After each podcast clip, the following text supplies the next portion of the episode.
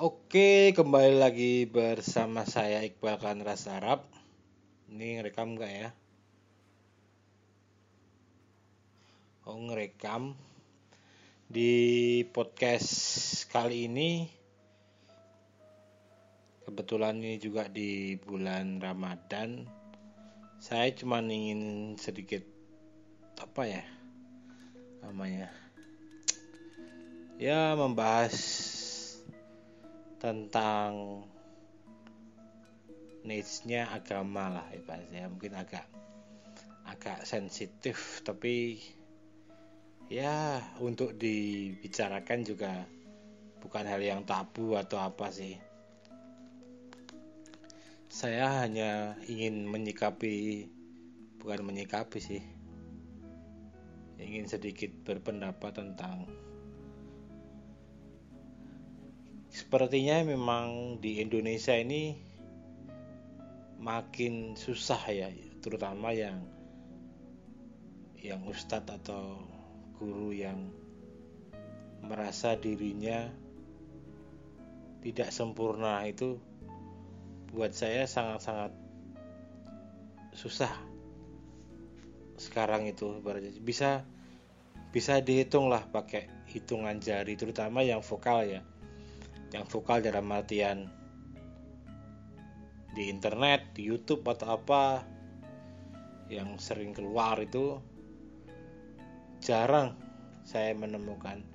Saya hanya satu, dua, tiga, nggak nyampe lima lah mungkin yang emang dia merasa bahwa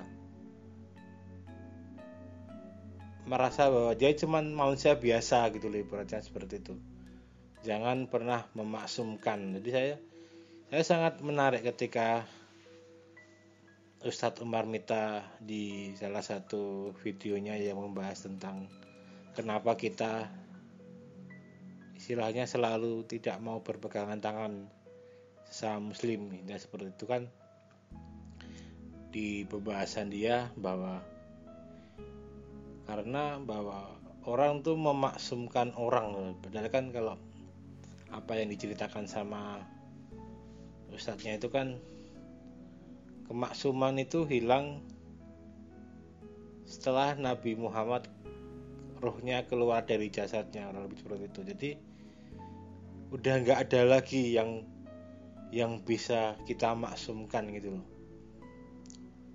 Ya eh, memang saya bisa dibilang saya setuju dengan apa yang dia utarakan itu bahwa ya tidak ada yang yang menjamin gitu loh ibaratnya bahwa semua itu maksum setelah kepergian baginda Nabi itu. Ya Ustadz itu juga juga manusia gitu ibaratnya itu loh. Bahkan dia juga merasa kamu jangan memaksumkan saya karena saya juga manusia biasa. Kalau saya salah ya tolong di, diingatkan gitu loh. Jadi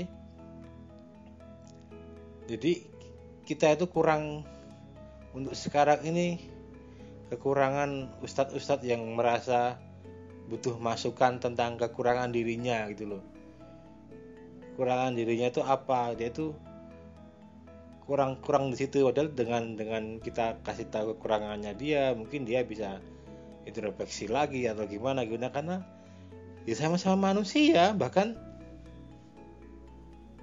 masuk surga atau enggak kan juga juga nggak ada yang menentukan karena itu hak prerogatif Allah.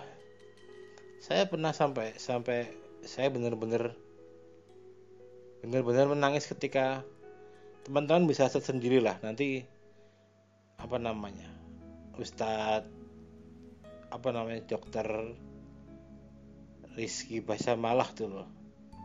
Rizik Bas Rizi apa?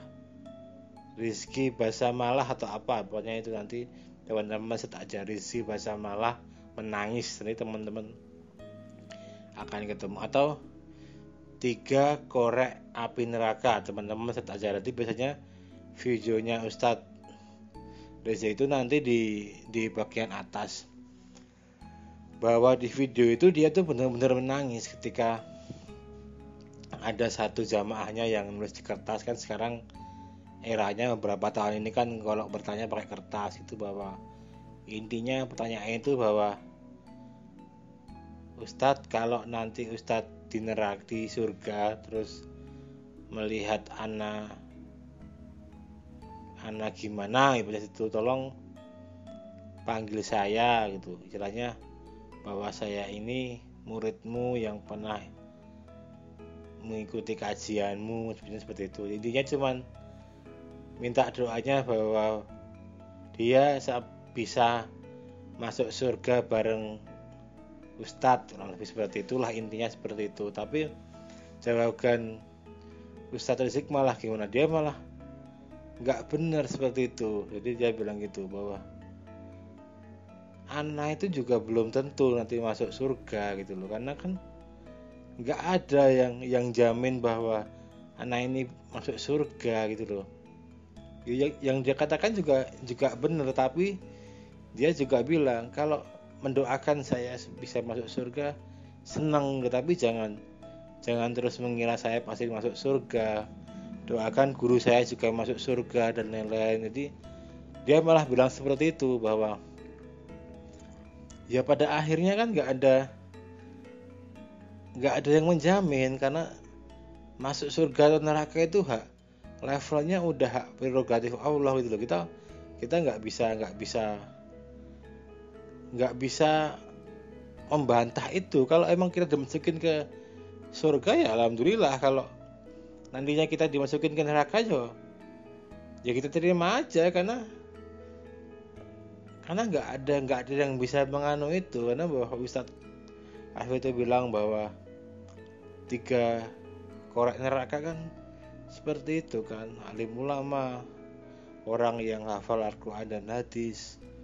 Ada apa itu karena apa? Kalau yang dia bicarakan bahwa dia melakukan itu karena ria karena ingin dipuji karena apa? Jadi apa yang dia inginkan udah didapatkan di dunia gitu loh. Jadi bukan untuk di akhirat gitu loh dan itu buat saya juga juga masuk akal juga sebenarnya seperti itu bahwa nggak ada yang benar-benar bisa bisa jamin kita masuk surga atau neraka gitu loh. Dan hal seperti ini yang yang kalau temanya tentang surga neraka banyak ustadz itu yang nggak nggak menyampaikan ini se seolah semua itu searah bahwa tentang kita harus berbuat baik atau apa atau apa. Bahkan sempat viral beberapa beberapa tahun yang lalu kan itu Kurai apa Ustadz Kurai Sihab itu kan pernah dalam kajiannya atau apa itu kan bahwa Nabi itu masuk masuk surga bukan karena dia berbuat baik atau apa karena dia kan karena dia mendapatkan hak prerogatif dari Allah untuk masuk surga gitu loh. Teman-teman aja itu videonya. Oh videonya. Wawancaranya itu ada sampai viral terus. Terus apa namanya? Uh, bapaknya Mbak Naswa itu Pak Quraisy Shihab itu sampai harus bikin video video pernyataan atau apa untuk untuk untuk menjelaskan tentang hal itu. Ya kalau kalau saya sih kalau dinalar lagi yo yo sebenarnya ya saya sependapat sih sebenarnya dengan dengan hal itu gitu bahwa kalau kita udah udah masuk ke ranah hak prerogatif Allah kita itu udah udah nggak bisa ngapa-ngapain. Kita cuman cuman bisa apa pikiran kita malah harusnya di, dikembaliin orang yang sudah seorang yang udah pasti masuk surga saja dia berdoa untuk orang lain sampai seperti itu. Dia berdoa untuk umatnya seperti itu. Benernya kan apalagi kita yang cuma Allah kita ini laler ini yang ah, belum pasti masuk surga mungkin udah pasti masuk neraka atau apa kan harusnya gimana itu loh biar biar harusnya malu dengan dengan kanjeng Nabi yang jelas-jelas sudah udah masuk aja seperti itu. Nah hal seperti ini yang yang kurang kurang di di apa namanya diurang diulang terus menerus gitu loh untuk untuk disampaikan ke orang gitu loh. Malah kafir kafir atau apa itu malah dulu padahal masalah toharoh aja kalau memang dibahas kan udah panjang banget dan itu inti dari semua tatanan ibadah gitu loh bisa dibilangkan seperti itu jadi sebenarnya saya apa namanya merasa berhatinya seperti itu sih. Pokoknya saya tuh wah pokoknya punya respect yang sangat-sangat tinggi itu ketika ada ustadz yang emang dia merasa bahwa dia apa namanya dia salah mungkin karena Allah menutupi kesalahannya yang lebih besar. Dan dia benar karena Allah memberikan petunjuk untuk itu. Jadi ya ujung-ujungnya semua karena Allah itu loh bukan bukan karena apa-apa gitu loh. Dan terus meminta untuk kalau memang ada kesalahan dari dari saya mohon dibenarkan di apa jadi tidak menggurui itu loh ya. Emang emang kita sama sama-sama manusia sebenarnya. Cuman mungkin beliau lebih memahami ilmu. Karena sebenarnya kan ini ini hanya masalah ilmu kan. Ilmu ilmu keagamaan dan tingkatan dia menjalani semua semua yang ada gitu loh. Jadi sebenarnya cuman cuman itu aja sih yang yang yang benar-benar membedakan. Yang kelihatan loh ya. Kalau yang nggak terlihat ya kita nggak tahu. Mungkin pahalaku lebih besar dari seorang ustadz juga saya nggak tahu. Atau emang Ustadz juga lebih besar pahalanya dari saya juga saya juga nggak tahu. Bahkan Ustadz juga nggak tahu karena itu levelnya udah hak hak prerogatif. Udah itu udah udah Allah yang yang biji itu. Jadi kita ini hanya dikasihkan tata caranya sama yang benar yang ini yang salah yang ini. Kalau kamu yang benar ada kemungkinan kamu masuk. Kamu pasti masuk surga atau gimana atau gimana. Tapi yang dengan nanti kita masuk surga atau neraka ya itu udah prerogatifnya Allah. Kembali lagi masalah hak prerogatif. Saya cuman takutnya itu gitu loh kalau melihat orang-orang yang tidak paham akan hak prerogatif tuh ini kalau ya pemikiran saya yang gimana gimana jangan-jangan nanti kalau di akhirat ternyata dimasukin neraka protes sama Allah. Saya kok dimasukin ke neraka? Saya kan udah seperti, seperti itu loh. Ya terserah aku. Mungkin seperti itu kalau mungkin versinya Cak Nun atau apa kalau apa namanya lucuan gimana gitu. Jadi ya ya, ya itu udah itu udah hak haknya Allah. Kita nggak bisa ngapa-ngapain. Itu udah udah haknya dia. Jadi kalau kalau kita paham hal seperti itu kayaknya itu hidup lebih lebih enak tuh nantinya itu. Nggak yang gimana gimana gitu loh ya kurang lebih seperti itu bahwa ya saya berharap bahwa ustadz-ustadz yang guru-guru yang sekarang ini udah mulai ngehit atau apa ya nggak nggak lupa ke nggak lupa untuk tanah lah ibaratnya seperti itu. Dan selalu memberikan yang lebih bermanfaat lah daripada sekedar kajian tentang politik tentang apa. Kalau kita nurutin orang yang bertanya padahal sekarang topiknya politik orang pasti akan bertanya tentang hal politik itu juga. Tapi kalau mereka mencoba untuk ustadznya itu memberikan tema mungkin nggak akan jauh-jauh dari itu juga pertanyaannya. Dan orang itu masih itu lagi. Saya sendiri masih ya orang ya tetap tetap harus ilmu lah. Saya bukan orang yang beribadah banget banget atau gimana. Jadi ya ya jalani aja lah. Semoga aja makin tenang. Saya cuman takutnya itu jadi banyak apa namanya